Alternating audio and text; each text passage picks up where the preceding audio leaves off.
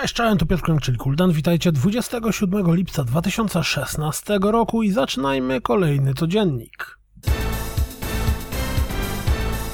Dungeon Punks, czyli Tag Team Brawler RPG jest już dostępny na PlayStation 4 i Xbox One, a 16 sierpnia pojawi się na PlayStation Vita i z tej okazji pojawił się premierowy zwiastun. Gra później ma pojawić się również na PC. Headlander o swojej premierze przypomina zwiastunem teledyskiem. Nieźle. Pojawił się nowy zwiastun Tumblestone. Ktoś czeka na ten pierwszy od lat oryginalny tytuł Action Puzzle, który jest dostępny w ramach poprzedniego Games with Gold. Dodatek do Layers of Fear Inheritance przypomina o swojej premierze premierowym zwiastunem. Jeśli jesteście fanami FC Barcelony i PESA, to najprawdopodobniej ucieszy Was fakt, że PES 2017 będzie mocno związany z tym klubem. We Happy Few jest już dostępny w Early Accessie na Xbox One i na Steamie, a nowy zwiastun zachęca nas do zagrania. Bohemian Killing zadebiutowała na Steamie razem z nowym zwiastunem.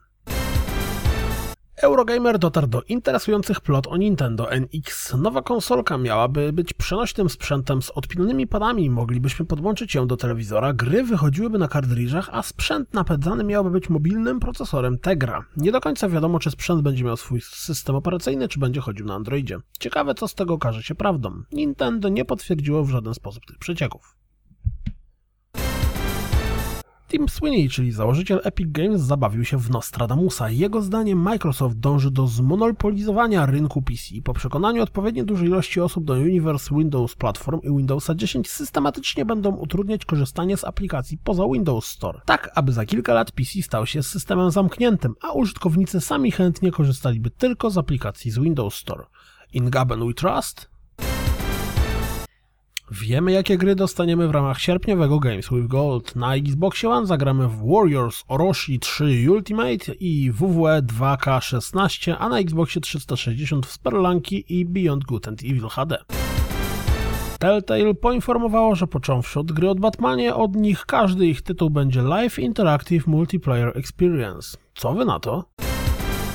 Ktoś ma ochotę zobaczyć nowy japoński zwiastun Yakuza 6?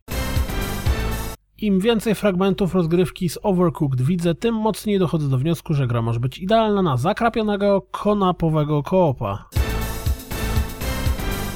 To wszystko na dziś, jak zawsze. Dziękuję za słuchanie. Jak zawsze zapraszam na www.rozgrywkapodcast.pl Jeśli doceniacie moją pracę, wesprzyjcie mnie na Patronite i mam nadzieję słyszymy się jutro. Trzymajcie się. Cześć!